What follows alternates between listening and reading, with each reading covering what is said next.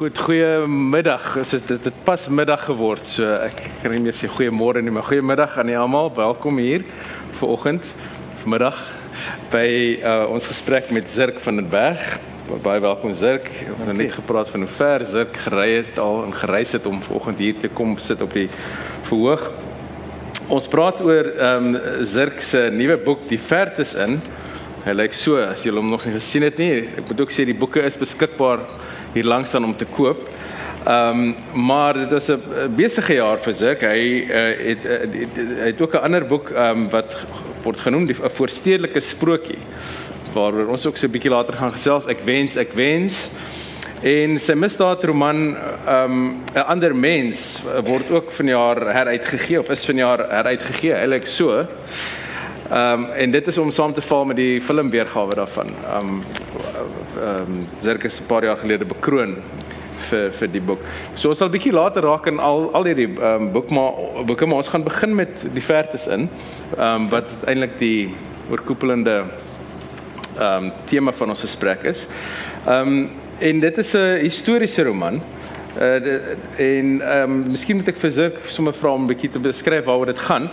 Ehm um, en dit kan jy vir ons 'n bietjie vertel waar kom die storie vandaan? Waar het jy hoekom het jy spesifiek in in daardie spesifieke geskiedenis belang gestel? Dit speel af in in die destydse Duits Wes-Afrika of Namibië van vandag. Jy is gebore in Namibië. Jy ja. het ook nou onlangs weer 'n draai gemaak daar. Ehm um, het dit iets te maak met die ontstaan van die verhaal? Ehm um, ja, ek het die Ja, oh, nou haal ek nou hierdie storie. Ehm um, 'n uitgewer het voorgestel dat ek uh, boeke skryf, uh, misdaadboeke wat in Namibië afspeel. En my probleem is ek bly in Nieu-Seeland, so ek weet nie mooi wat in Namibië aangaan nie en ek dink toe as ek dit in die geskiedenis plaas dan is die is my afwesigheid nie so groot probleem nie. En ek het toevallig hier op Stellenbosch, uh, dink ek was 10 jaar gelede hier en ek het in 'n vriend se huis op 'n geskiedenis van Namibië afgekom.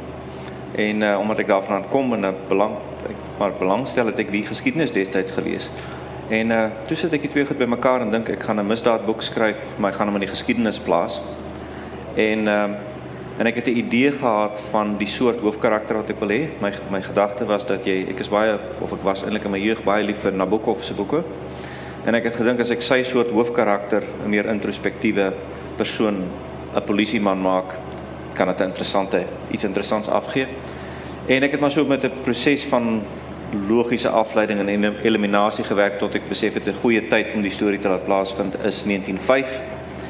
En ehm um, so dit was baie half deduktief om ek daar gekom het want dit het gegaan my my probleem was om 'n redelike vaal kerel 'n uh, polisieman te maak en Duitsers sal dit nie sommer doen as hulle dit kan help nie of my soort karakter nie so ek het gedink aan moet 'n tyd van omwenteling wees so die oorlog die Herero oorlog Herero en Nama oorlog was 'n goeie tyd. Ehm um, en toe het ek iewers ter die ingewing gehad dat daar 'n paar mense moet wees wat swak op moet op die trein klim. Ehm um, wat elkeen hulle eie agenda het op 'n manier of hulle eie behoeftes en dan in die loop van die volgende ek dink is trend. Ek dink die boek speel oor 5 weke af. Dan raak hulle baie so op verskillende plekke aan mekaar en beïnvloed hulle mekaar se lewens. Ehm um, wat ek wel net kan ook by sê is dat ek het nooit by die misdaadverhaal uitgekom nie um oor die politieke situasie in die land het uh moes my karakters half uh, dit dit het so invloed op hulle gehad dat hulle moes um soek soek vir 'n goeie Afrikaanse woord vir come to grips with. Hmm. Hulle moet bietjie van 'n van hulle hulle kop om hierdie gedagte om hierdie oorlog kry. En uh, dit het toe die hele boek gevat. Hmm.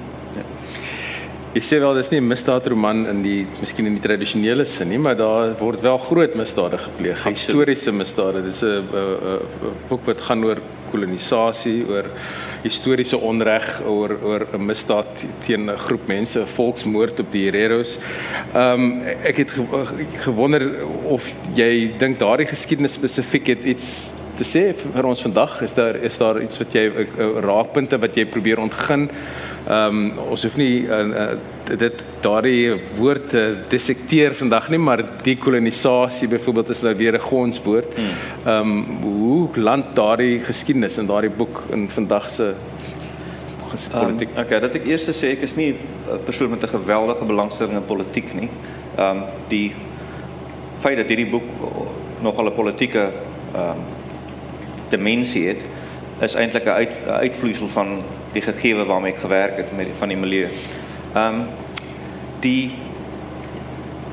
ek dink die ek die kolonisasie is nie 'n ding waar ek regtig vreeslik dink nie moet ek bely maar uit die aard van die saak dink ek oor kolonialisasie baie en die feit van die saak is daar is baie min van die wêreld wat nie in 'n stadium 'n kolonie van 'n ander land was nie veral van die groot westerse moondhede en uh, dit wat in Namibië gebeur het daai tyd het in ander forme basies omtrent in groot dele van die wêreld nie as dit nie elke land is omtrent nie gebeur dat daar het 'n ander moontlikheid ingekom. Ek sou 'n boek kon skryf wat van die standpunt af uitgaan dat kolonialisasie is boos.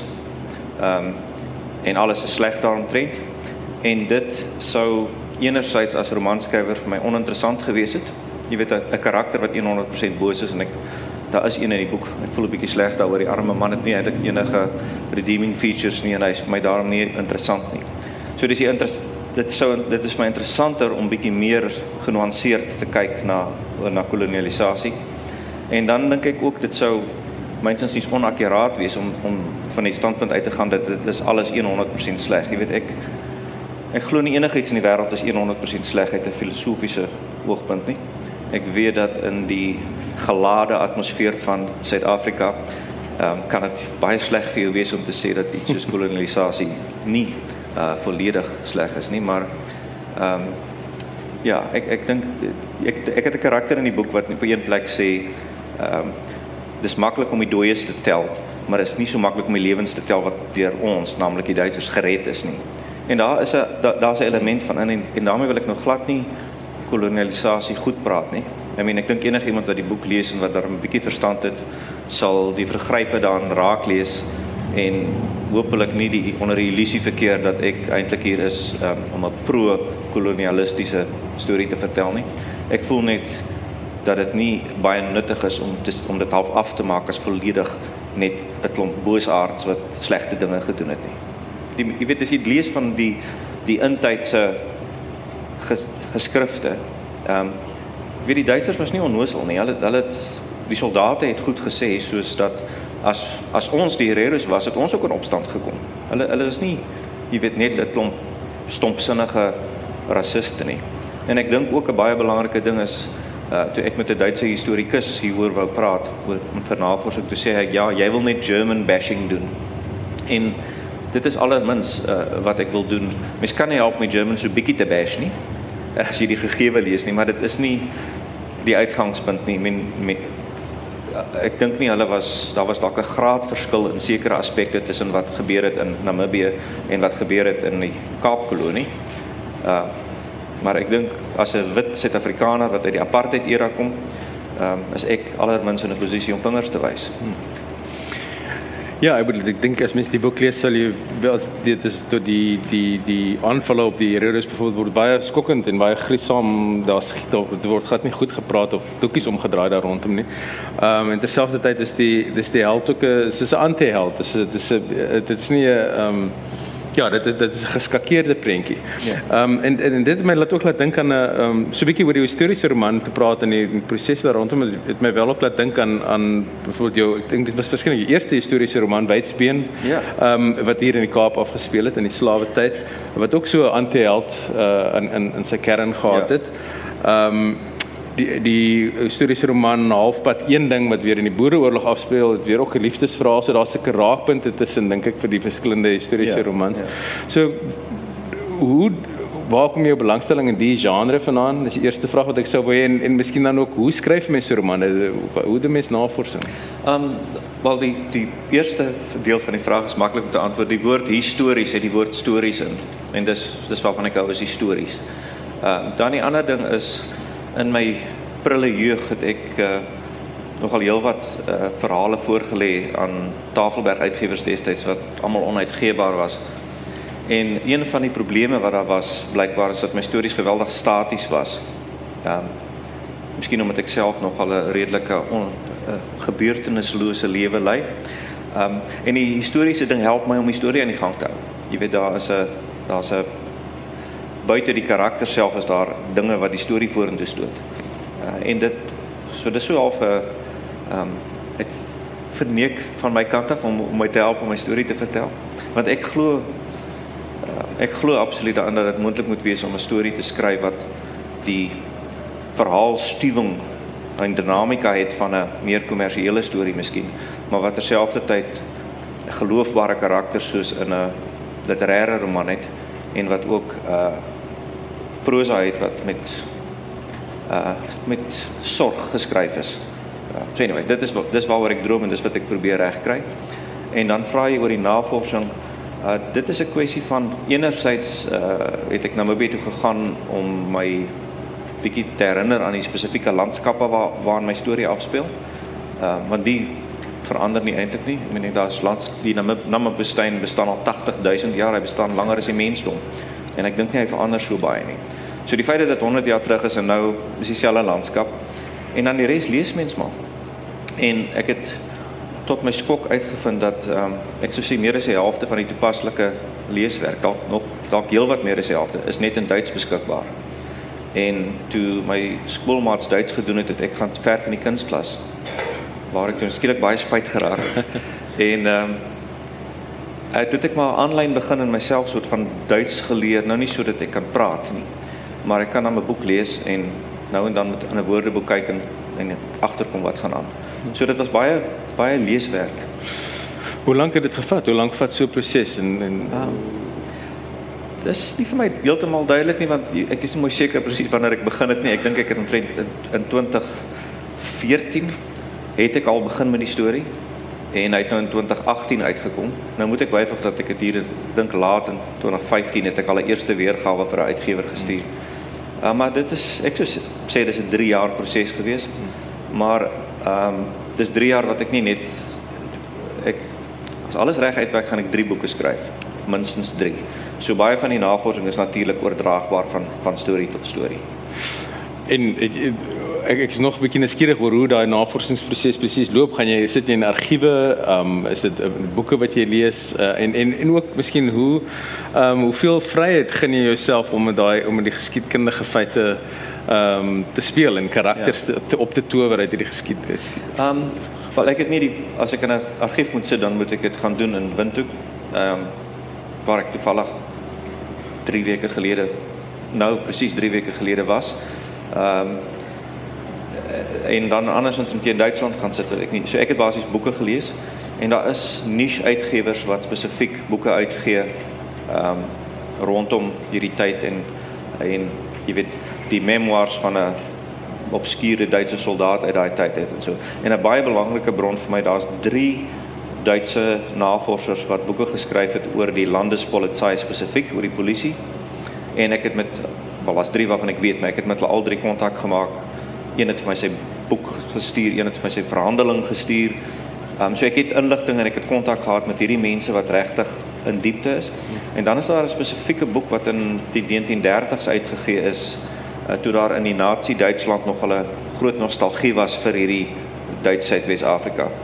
En die boek het iemand het ek dink meer onlangs in 'n faksimile uitgawe uitgegee wat natuurlik in daai fraktuur uh font geskryf is wat moeilik genoeg is om te lees en as jou Duits maar so mankemente soos myne dan dan het dit dit het gelol. Hmm. Maar dit was 'n baie goeie want dit was spesifieke geskiedenis hmm. van geskryf deur iemand wat in daai in daai polisie was. Hmm. In terme van vryheid sover ek sover ek kan hou ek by by die geskiedenis Maar dan is daar natuurlik nou persoonlike dinge wat gebeur wat wat nou nie die soort van ding is, maar die goed wat met my karakters gebeur is groot grootendeels dinge wat nie in 'n geskiedenisboek opgeskryf sou word nie.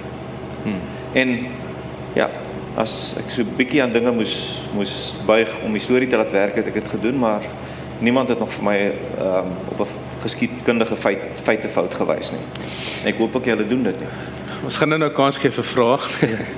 Oh, in bespreking, maar ehm um, ek wil net ehm um, ook nog iets optel op wat jy nou gepraat het oor die ehm um, die verskeie boeke wat uit die uit materiaal uitkom. Jy het jy het 'n interessante skryfproses. Klink dit vir my jy werk aan 'n paar boeke amper te gelyk. Ehm um, of jy vat aan een en begin met 'n ander een of Nee, nie regtig nie. Ek ek ek ek begin ek probeer 'n boek klaar maak, maar wat baie keer nou of hoe hoe dinge werk in die werklike wêreld is as jy klaar is met 'n boek, dan gaan hy weg na uitgewer toe wat terugkom of nie terugkom nie. In sommige gevalle kom hulle nie terug nie, maar wat terugkom en dan sê ehm um, ons weet wat wat van jy doen dit of hierdie deel werk nie of dat werk nie en dis dis vir my baie nuttig.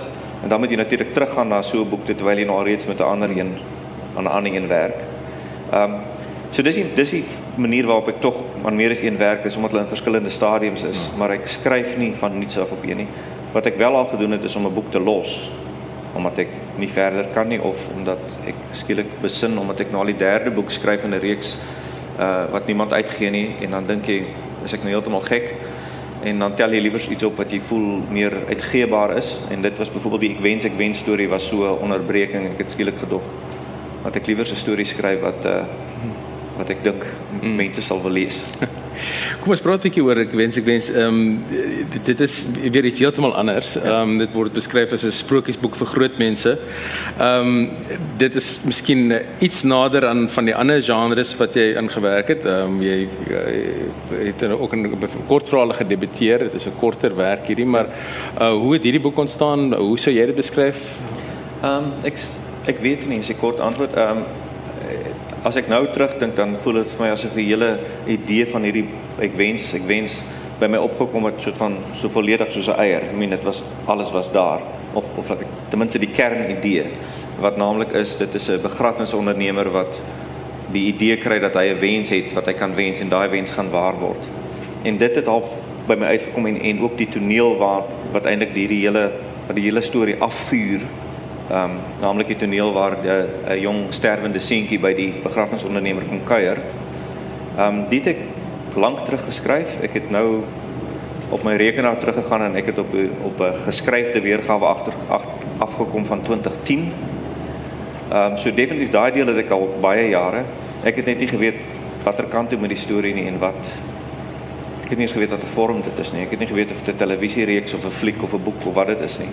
En toe ek in 2017 besluit ek gaan nou net die storie vertel van begin tot einde en kyk wat ek mee opeindig en toe is dit so ek weet nie of jy dit novelle moet noem nie, dis so hmm. dis so van die helfte van die lengte van 'n standaard roman sou ek sê. Hmm. Kortverhale is dit weer iets wil jou jou debuut was het het, het 'n groot merk gemaak op die Afrikaanse landskap dink ek dis iets wat die, wat mense nog steeds uh, aan aan dink is dit is dit 'n genre waarmee jy ehm um, weer sou wil speel? Uh, ja, ek het ek het boeke, my boeke. Ek het kortverhale wat in my rekenaar rond lê in verskillende forme. Ehm um, toe ek destyds ek ben ehm um, ekstra dun vir meer gevoel geskryf het. Jy weet daar was 'n punt waar die boek nou klaar is en hy gaan uitgewer toe, maar ek is nog heeltemal so ek het so van dit het tyd gevat voor ek momentum verloor het want ek het nog 'n vir 'n rukkie lank kortverhale geskryf. En ek skryf nou en dan een. Ehm um, dis nie iets wat ek noodwendig najag nie want ehm um, ek weet nie wat doen mense met hulle nie.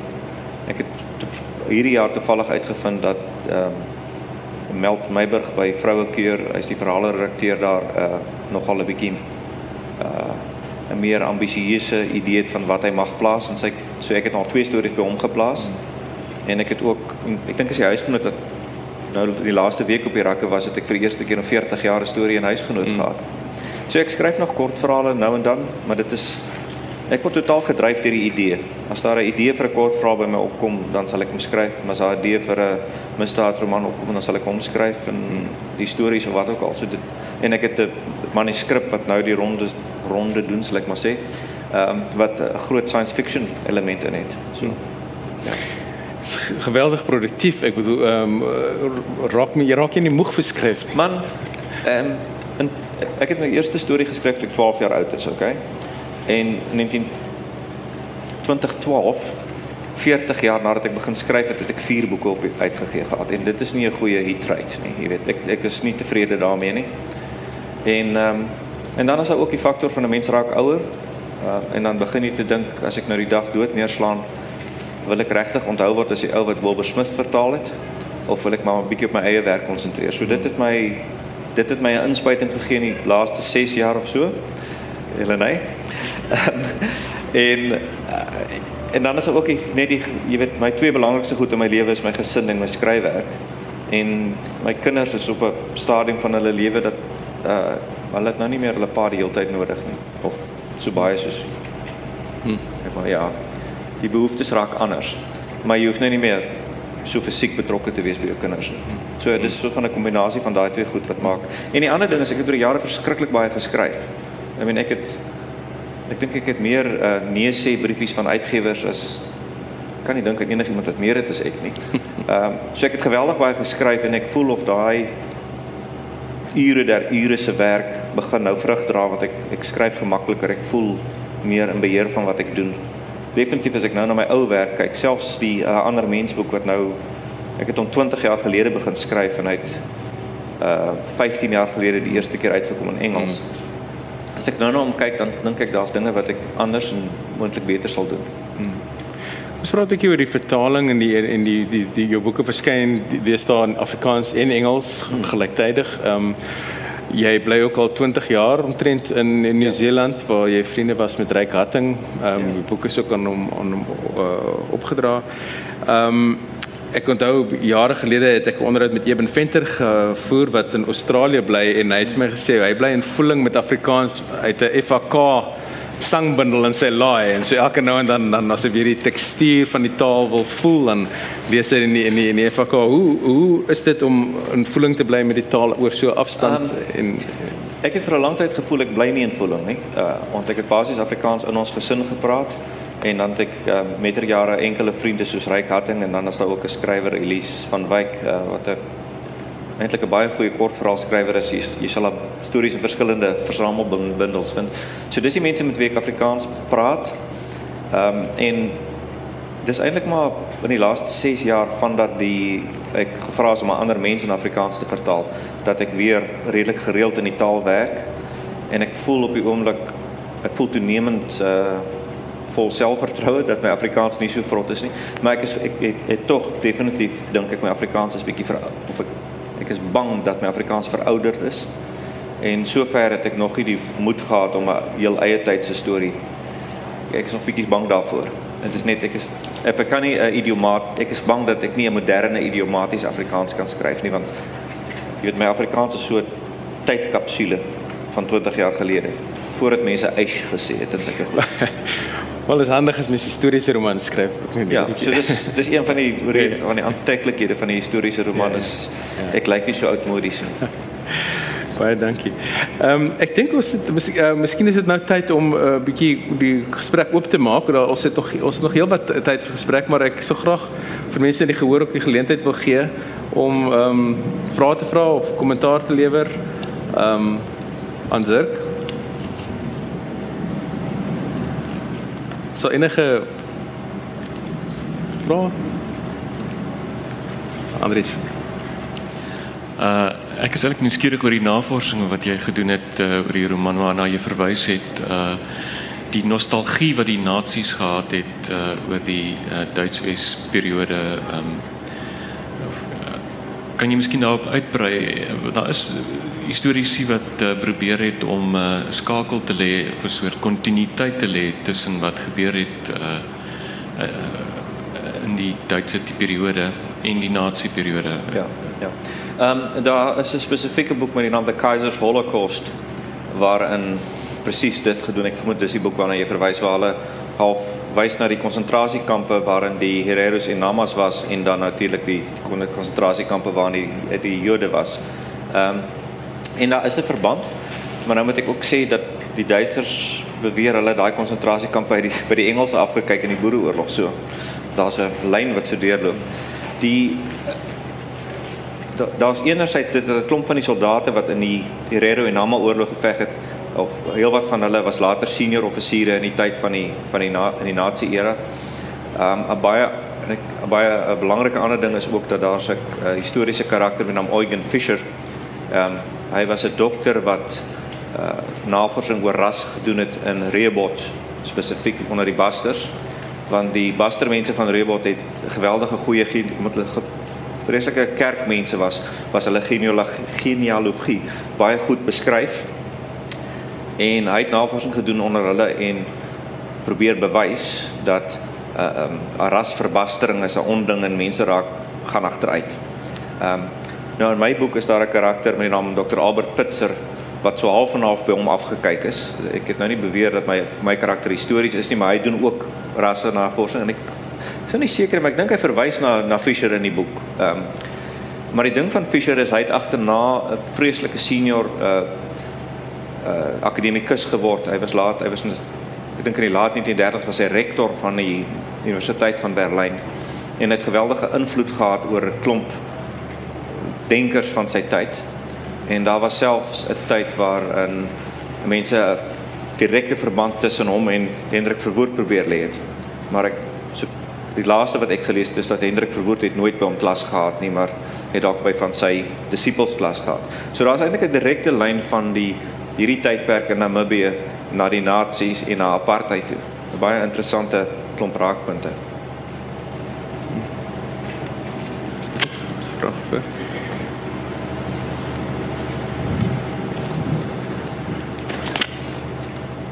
Sirk, ek wil um, ek dink ek praat namens 'n klomp mense as ek my waardering vir die roman uitspreek en veral vir die wonderlike tek tekstuur van humor.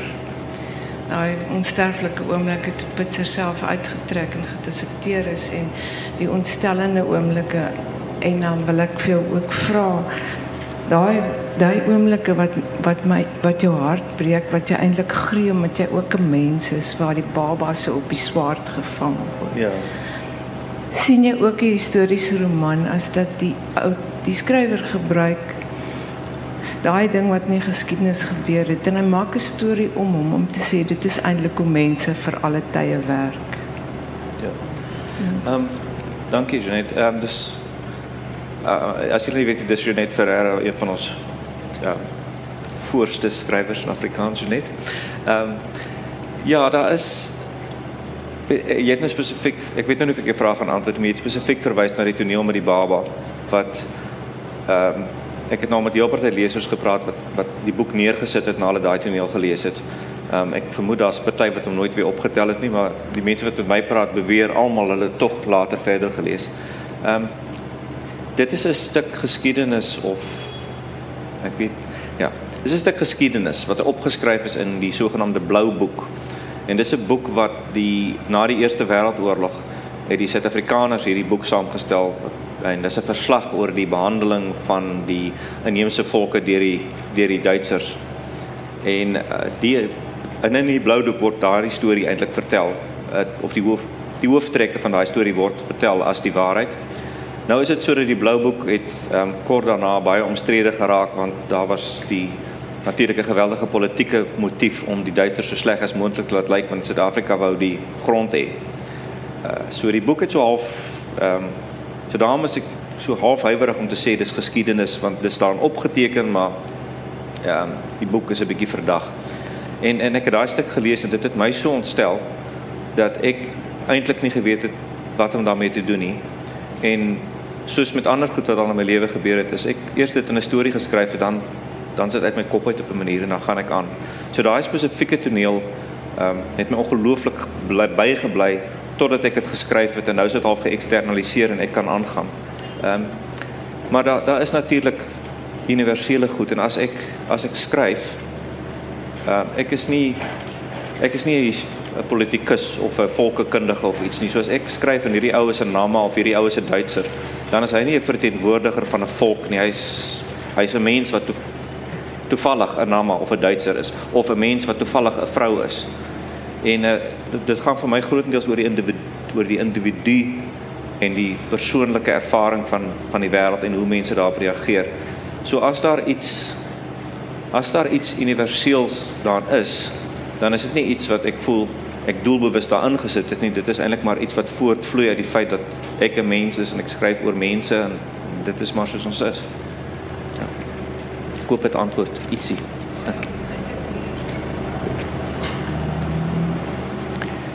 Ekskuus, ek dink sy wil nog 'n vraag vra. Het iemand die mikrofoon daar? Ja, daai toneel, ek terwyl die mikrofoon gaan, dit is 'n geweldige, dit is ontstellend, maar dit is op 'n manier ook 'n filmiese toneel. Miskien um, dit ek, ek ek wonder baie keer hoe sien jy een van jou boeke word uh is is is nou verfilm ook en, en ek ek het gewonder of daar ehm um, het jy het jy so iets in gedagte as jy 'n boek skryf? Nee, ek ek dink nie aan aan film nie, want ehm um, film is film met allerlei probleme. Punt 1 is verskriklik duur. Hmm. Okay? En omdat hy duur is, moet jy geweldige klomp mense hê wat saamstem. Hmm. En hoe meer mense saamstem, hoe hoe uh, uh meer afgestomp raak dit eintlik. Um, en byvoorbeeld die die die film van of die rolprent weergawe van 'n ander mens is nogal in toonaard. Ek het nie die fliek gesien nie, maar ek het 5 minute van hom gesien en ek het gepraat met mense wat hom wel gesien het en die regisseur en hulle het besluit om 'n aksiekomedie te maak van my storie. So ehm um, omdat jy as in my boeke het ek geweldig baie beheer. I mean, dis ek het kon nie sê 100% beheer nie want ja, die uitgewer het ook baie keer iets te sê of die proefleser of die redakteur. Maar jy het geweldig baie beheer terwyl die oomblik as iets 'n film word is hy so ver na buite hier weer so dis nie deel van my plan nie. Ek dink is eerder 'n faktor daarvan dat ek ehm um, miskien nogal visueel dink en filmies dink en ek as ek 'n storie skryf hou ek vreeslik daarvan om en as ek lees wil ek ek wil weet waar en wanneer is ek wie is wie is die karakters en waar is hulle in tyd en watter plek is hulle en ek dink dis daai geworteldheid wat miskien maak dat dit bietjie soos 'n fliek is en my goed is meestal kronologies soos 'n fliek. So ek skryf nie soos jy het nou net na Ryk Harting verwys, jy weet hy hy's 'n ou wat half mymerend en in sirkels skryf. Um en dis nou maar net eenmal nie hoe my kop werk nie. Anyway. Ek het nie nog 'n vraag nie. O. Nee. Jy Nee, het die mikrofoon, net- jy moet nou maar. Gerard, nee, ek wil net sê Daleen Matthee het vir my gesê nadat ehm um, haar Vilas verfilm is. Dat 'n mens moenie so hard wens jou fliek jou boek word verfilm nie want dit is baie ontstellend om te sien dat iemand anders jou werk oorneem en wat nou nie refleksie is op Vila nie, maar ek kan dink Ja, ja. Ja. Ek meen ek het groot of nie groot groot geword nie. Ek was in my jeug kortstondig het ek uh, in 'n huis gebly saam met CF Beyersboshoff. Ehm um, wat ja Springbok radio stories vreeslike groot held was in die 70s daar rond. En hy het vir my vertel dat hy 'n film draaiboek geskryf wat ehm um, en ek het die draaiboek gelees en ek weet dat mense soos Cornelis Breitenberg het ook genoem toe die fliek gemaak is dat dit 'n uitstekende draaiboek is. En toe wil ehm um, mense Warner Brothers in Amerika wil dit verfilm en hy laat toe dat iemand sy arm draai en sê ons skiet hierdie fliek hier in Suid-Afrika. En hy het vir my gesê toe hy daai fliek sien was die die die grootste teleurstelling van sy lewe. So ek het ek het al dis diep in my vasgelê dat dit is die ervaring as iets verfilm word. So ek het nie um, sterre in my oë daaroor. Ja, ja. Wel, dit is miskien ook net 'n 'n kompliment in terme van jou skryfkuns dat dit so visueel is en dat 'n mens dit kan kan kan sien. Dit dit dit, dit lyk soos 'n iets wat voor jou afspeel, maar dit Ja. is ehm um, ja, daai daai toneel dink ek bly bly mense by. Enige ander vrae of k- kommentaar? Genade. Okay, ek is nou bang. Dis my uitgewer. Ek skrik my bang. Nee man. Ehm um, nee, ek wil net uh verder gegaan het op wat Janet gesê het is dat sy gesê het dat daar is ook uh, jy weet baie ligte en tonele waar daar tamelike humor is en en 'n mens lag eintlik ook oor sekere dinge. En terwyl dit natuurlik 'n boek is wat met baie swaar temas omgaan, maar daar's ook ligte dele.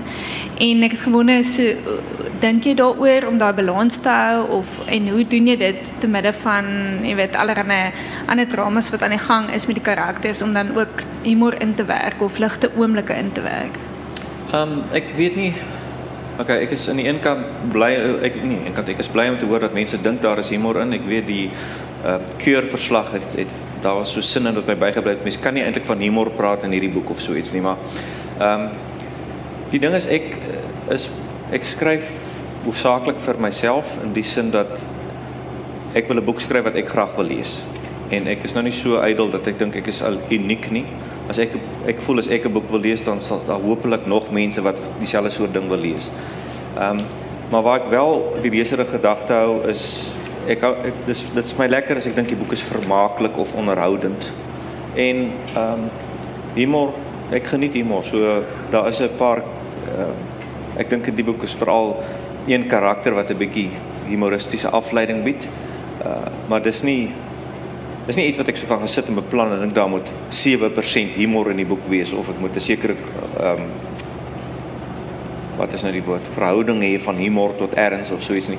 Hier en daar jy weet wat jy doen as jy skryf, dit is soos om ek meen ek het die die beeld nou al 'n paar keer gebruik oor die laaste weke. Dis soos 'n kind wat karretjies speel. Ek gesit klein was ek het karretjies gespeel. Jy maak goed op en pa gaan werk toe en speurder jaag weg of wat ook al. Jy, en wat ek doen is ek skryf is die, is, die, is eintlik maar dieselfde ding. Jy sit en maak goed op en jy skryf dit neer. So ek dink nie en as ek goed opmaak, baie keer vat iets 'n pad wat my laat lag of wat vir my amuseer en, en dit is wat die humor is. So dis nie meen ek wil regtig sê dat ek ek ek wil nie meen kuns het 'n plek en 'n belangrike rol in die wêreld, maar ek dink nie dat daar 'n 'n fundamentele verskil is tussen 'n ou wat 'n laaikas bou en 'n ou wat 'n boek skryf nie. Dit is toevallig is ek useless met houtwerk, maar redelik met woorde aan mekaar ry. So dis net maar wat ek doen. Ehm um, en as daar iets gebeur dat dit by iemand aanklank vind of dit resoneer en daar's dan is dit fantasties, jy weet. Ek meen dis ek hoop daarvoor. Hmm. Maar op die ou end ehm um, ek voel nie ek het noodwendig groter insig in enige iets as die ou wat laaikas te bou nie. Maar daardie humor is ook is is is is is 'n deernisvolle humor. As ek dink aan jou karakters, die antisosiale of ag uh, antihelde althans van van van weer eens om terug te gaan op al die pad van Wydspien af tot hier. Dit is 'n bietjie van 'n sukkelaar wat die humor uh, is ook so 'n bietjie um, iemand wat uh, wat bietjie rondval. Iemand wat miskien sy pad deur die geskiedenis uh, is ook maar besaai met toeval en en so meer.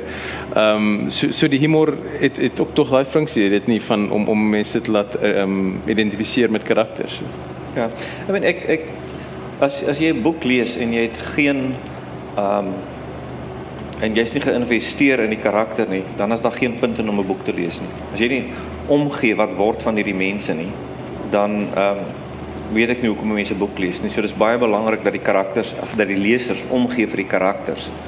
En ehm um, of jy nou heeltemal aan die ou se kant is of nie, maar jy moet dan ten minste omgee of hy lewe of dood en of hy die meisie kry of nie en so aan. So ehm um, ek het onlangs 'n uitstekende rolprent gesien of wat op alle vlakke uitstekend is behalwe dat ek glad nie omgegee het wat word van enige van die mense in hierdie fliek nie en ek het op die ou end was ek verveeld, jy weet. Ondanks die feit dat die draaiboek vol pittighede was en die ehm um, opset en dit was oorspronklik en alles. Die fliek se naam is The Favorite as jy dit dalk gesien het.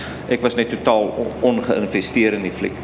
En ehm um, dis iets wat ek hoop om te vermy as ek skryf, jy weet, as jy nie ja, as jy nie van die karakters hou nie, dan uh, weet ek nie waarmee jy lees nie. So hoe kry mense dit reg dat om om om karakters te skep waarmee mense sal identifiseer? Moet jy nie maak hulle net soos myself man. nee. Ehm um, nee, ek weet nie hulle moet maar wees soos hulle moet eg wees en hulle moet sukkel met die goed waarmee ons sukkel. Ja. Jy weet as iemand in 'n boek 'n probleem het wat jy al gehad het of ehm um, twyfel het wat jy al gehad het dan dan voel jy dit is jou soort mens. Ja. Jy het nou verwys na iemand wat jy 'n karakter wat jy so 'n bietjie afgekyk het. Is dit hoe uh, jy jy ook te werk gaan? Dit is is, is daar eers hierdie karakters wat so 'n bietjie van hulle wat eers rondloop? Nie wat ek van weet nie. Ek kan vir jou twee ek kan vir jou twee goed sê in my boek ehm um, half half halfpad een ding wat deur die Boereoorlog gaan. Lyk die een karakter lyk aan my kop net soos Ryk Hatting, maar sy persoonlikheid het met Ryk baie min uit te waai. En ehm um, hierdie historiese karakter Ehm um, dit was nie ek weet nie hoe die Eugen Fischer regtig was nie. Al wat ek geweet het, sy het hierdie navorsing gedoen en ek het dat my dokter Pitser ook navorsing hmm. doen. En ehm um, ek weet nie of jy van julle al die boek gelees het nie, maar in 'n vroeë weergawe van die boek was hierdie dokter Pitser wat die rassistiese Duitse navorser is, ehm um, nogal 'n baie onsimpatieke karakter en ek het met elke hoe langer ek geskryf het en hoe meer ek herskryf het, het ek al hoe meer dat hy aanklank gevind by hom. En as iemand my nou sou vra watter van die vier karakters, die hoof hoofkarakters in die boek ek die naaste aan voel, um dan kom hy ter sprake in my kop. Jy weet hy's ja, ek meen hy's 'n opperste rasis, maar daar's tog aspekte van hom wat waarvan ek hou. Ja, mens kan kry tog so 'n bietjie jammer die ou wat hier aan land in die warm name op die trein klim en dan sê ja, hy hy's 'n groot ding van van dat hy nie van groepe hou nie. En dit jy weet hy's nie hy hou nie van die militarisme van die Duitsers nie. En daar's ek as dit ek is nou nie doodseker maar ek dink die term is schaukelend en dis vir die Duitsers doen wat jy so half inhak by mekaar en so wieg. En daar's min dinge wat vir my so vrees aanjaend is as dit. en ek het dit by my vorige besoek aan Stellenbosch gesien onder klomp eerstejaars en ek wou net hardloop. Anyway. Ja, daai groep, 'n warm groep gevoel is ja. nie, dis nie vir jou. Ehm ja. uh, nog vrae, nog opmerkings, kommentaar oor hierdie of ander boeke van Zirk. Hier is anders. Uh jy het baie gepraat oor die na, uh historiese navorsing wat jy ja. gedoen het, maar ek is skieurig oor die uh, literêre boeke oor hierdie periode wat uh, al verskyn het of of dit uh ook boeke is wat jy geraadpleeg het soos ander kan die stilte van Brink of Connie Braam se Ik ben Hendrik Witbooi wat blykbaar nou ook in Afrikaans vertaal word en natuurlik die Duitse boeke soos Morenga van Uwe Tim uh en as ek daar's nog 'n hele paar ander maar uh, was die die en ek noem jy sien jy noem uh uh Piet van Rooyen se naam by die erkenning ja. soos iemand wat jy wel uh geraadpleeg het het hy nie ook oor hierdie periode geskryf nie. Ehm um, okay, ek gaan vir jou die kort antwoord is amper ehm um, dat ek so wat die beste nee ek beste van my wete geen fiksie gelees het oor hierdie periode nie. Ehm um, ek het wel ehm um, ek onthou dit by die die uh, uitgewer se keurverslag het na die Brinkboek verwys, maar ek het hom nie gelees nie en ek wil amper nie my kop kontamineer nie. So ek het nie fiksie gelees nie en ek het ehm um, Piet van Rooyen spesifiek het 'n boek geskryf oor Hendrik iets oor die soeke na Hendrik Witbooi. Maar my kontak met hom soos met heelwat ander uh akademici in Namibië of historiese was eintlik bietjie om sy jy weet uit sy indrukke te kry oor goed. So daar was mense iets wat ek amper universeel kan sê is die die mense in Namibië is ongelooflik opvaardig en is te bly as iemand oor hulle land wil skryf. Ek was nou 2 weke gelede, 3 weke gelede weer daar en by elke geleentheid kom daar mense na my toe en sê het jy al hierdie ou gekontak, hy weet baie. En om met mense te praat is eintlik baie want jy kry beter nie beter insig jy kry 'n ander en varser insigte, miskien 'n bietjie minder deurdag wat nogal lekker is om mee te werk. So byvoorbeeld het ehm um, as 'n kerel met die naam Andreas Vogt in Windhoek en toe ek vir hom en en dan o ja, dit was eintlik hy en 'n man met naam Kuno Budak wat 'n volkekundige is. En toe ek vir hulle sê van hierdie dorpie wat die waarin die Namas bly, toe sê hulle vir my my dit moet swartboy Namas wees. Dit kan nie een van die ander subgroepe wees nie want dit jy weet daar's historiese redes voor. So mense het my baie nuttige goed gesê. Ehm um, en verder het ek maar net wyd gelees, jy weet dit ehm um, en ek lees nou nog. En van die wonderlike goed is mense historiese navorsing doen is as jy begin om verskillende mense se weergawe van dieselfde gebeure te lees. En jy sien hoe die marxistiese ou dit op een manier sien en die ou Duitse man eh, wat bietjie nostalgies is dit op 'n ander manier sien. So dit was ehm um, ja, maar ek het ek het weggebly van fiksie af want dit ehm um, ek wil nie hê dat ander mense se fiksie hier in my storie moet inkom nie. Net so terloops ek het met die ja, ehm uh, halfpad een ding boek wat in die boereoorlog afspeel. Het 'n spesifieke resensent ehm um, met absolute oortuiging gesê dat hierdie karakter kom uit daardie boek uit en ehm um, weet basies die net aangeneem dat ek het sekere mense afgekyk by ander boeke. So daai opsig is is maar beter om nie daai boeke te lees nie want ek kon toe nou sê luister ek weet nie van waarvan jy praat nie. Ek weet nog nooit hierdie boek gesien nie. In elk geval. Ja.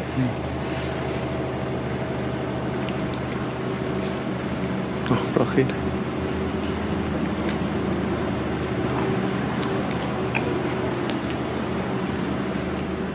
Zerk ehm um, begrafnisondernemer speel 'n groot rol in ek wens ek wens. En kan jy dalk meer vertel oor hoekom en dan ook um, op Ilse Salzwedel se uh, program wat sy gesê dat daar 'n toneel in 'n kus wat vir die mooiste toneel is in Afrikaans. Hoe het jy daai toneel geskryf en watter navorsing het jy gedoen om dit te te kry? Okay. Ehm um,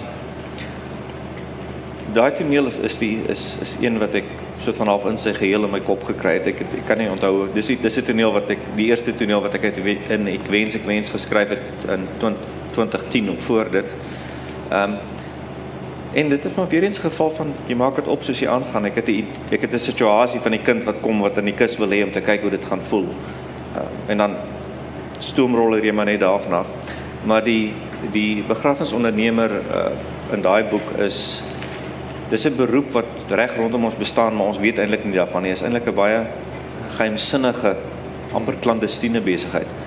En ek het 'n vriend gehad wat 'n begrafnis, hy was eintlik 'n lijksbesorger. Hy het nie die begrafnisse gereël nie, hy werk met die lyke. Dit was sy ehm um, gebied. En ek het met hom gepraat oor sy werk en hy het vir my gewys sy toerusting en die diverse dinge wat hulle doen. Hy kon dit natuurlik nie doen toe daar 'n lijk was nie want daar is natuurlik privaatheid en sulke dinge en ehm um, en ook higiëne. Dit is eintlik vir my ongelooflik geweest want die die die plek waar hulle werk is soort van iets tussen 'n tussen 'n operasieteater en 'n slaghuis. Ehm um, maar hulle trek aan soos dokters want jy werk met rou vleis en mense wat dalk aan verskriklike siektes dood is. Uh, so dit was my baie interessante wêreld om my in te om my in te begeef.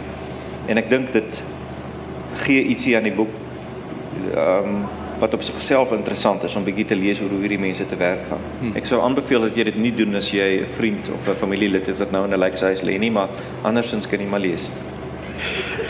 Ja, die ja, die die, die dooies ehm um, waarmee jy besig hou in die geskiedenis en in die in die ons dit is ehm um, maar dit is op 'n manier tog ook wat wat skryf is is dit nie om om weer lewe te blaas in in in dinge wat verby is op 'n manier om ja, of, dinge te laat voortleef of dinge wat nooit gebeur het nie, jy weet ja ja, ja. lewe te skep ja. nog 'n vraag nog 'n kommentaar iets Miskien ter soort van ter afsluiting ehm um, Zirk, jy het gesê hierdie materiaal om weer terug te keer na die historiese materiaal ehm um, is is ryk en produktief jy sal daar's nog 'n boek wat daaruit voorkom ja. ek weet skrywers hou nie graag daarvan om te praat oor brood in die oond nie maar ja. uh, is de, is dit al op 'n stadium wat jy vir ons bietjie meer daarvan kan bly Ja, ek meen die brood in die oond is daar nou al jy weet hy's redelik volledig. Hy het nog werk aan maar die, die hele ding is al daar.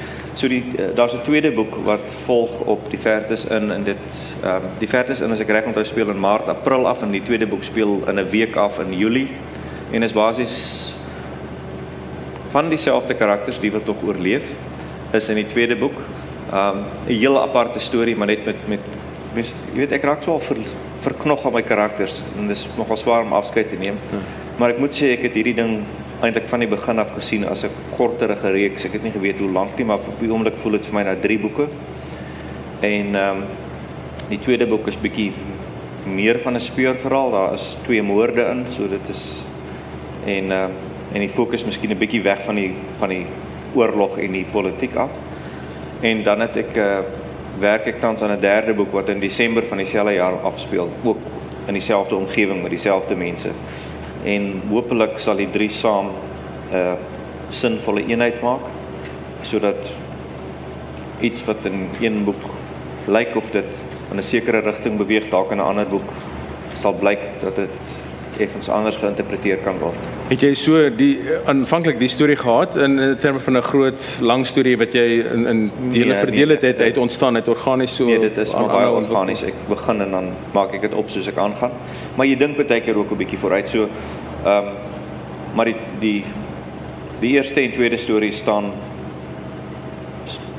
storie gewys eintlik is heel afsonderlik. Ek sal die tweede boek kan lees sonder die eerste boek. Ehm um, sal dit nie aanraai nie, maar dit sal werk. Dit wel as alles goed gaan werk dit. Die derde boek voel vir my op die oomblik dat hy nogal baie swaar leun op die eerste twee hmm. en eintlik die gebeure in die eerste twee en is so 'n bietjie van 'n nuwe lig plaas. Hmm. En van die van die lekkerte vir my is ek werk op die oomblik met 'n hele gemeenskap, jy weet.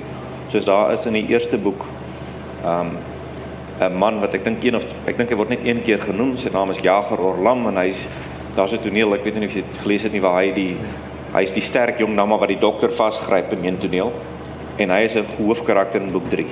Okay. So, maar dit het dit was nie beplan nie. Dis nou maar weet baie keer dink ek hierdie karakter is interessant. Ek kan meer van hom hmm. vertel. So mense ook eintlik weer kan teruggaan en daai karakter gaan teruglees. Ja, meen, dit, ja, ja. ja, nee, ek ek vind en omdat ek uh ja, en omdat die boeke so lank vat is ek ek ek Ek was al besig met nommer 3 voor nommer 1 verskyn, so ek het geweet ek moet net seker maak dat Jaguar Orlam by name genoem word want ek wil hom graag weer optel.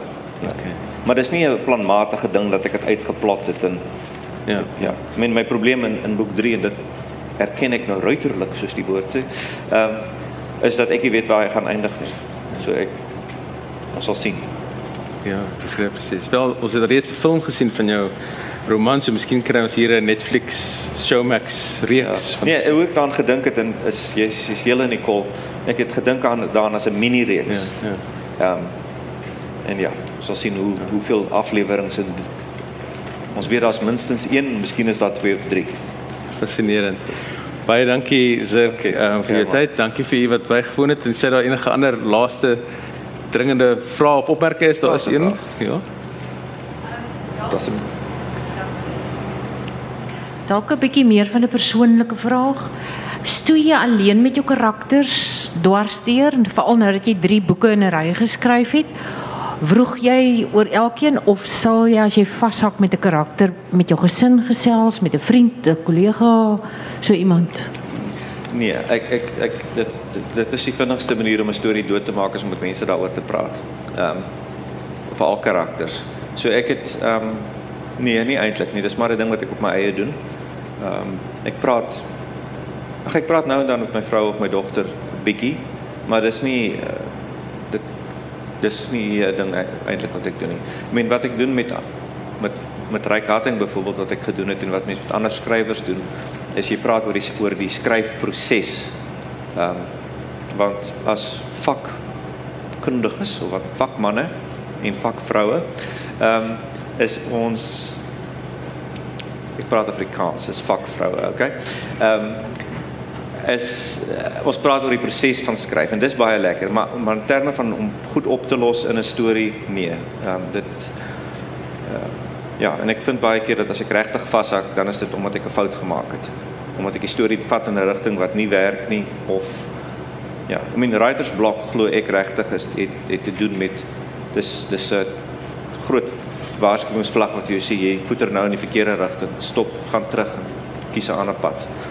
Ehm um, ja, so anyway, ek kyk nie dit is nie 'n uh, 'n kollaboratiewe ding nie. Dis dis iets wat mense op jou eie doen. En dis eintlik wat maak dat iets soos hierdie publisiteitstoer wat ek nou die afgelope 2, 3 weke gehad het, is 'n besondere interessante ding want jy lewe as skrywer geweldig geïsoleer. Ehm um, en ek men is miskien erger omdat ek nog aan die ander kant van die aardbol sit van die van die lesers af. Maar ek het die idee dat elke skrywer dit gebeur maar in die studeerkamer of waar jy ook al skryf. En dan is dit 'n uh dis 'n interessante en hopelik verrykende ervaring om te doen te kry met met lesers en ander mense. Want dis eintlik 'n geweldige eensame pad te skryf. 'n Lekker pad. Kla ek kla nie, maar dis eensaam. Baie dankie. Dankie Zirk. Dankie vir jou tyd. Dankie dat jy hier was en ons sien uit om nog veel uit jou pen uit te lees in die.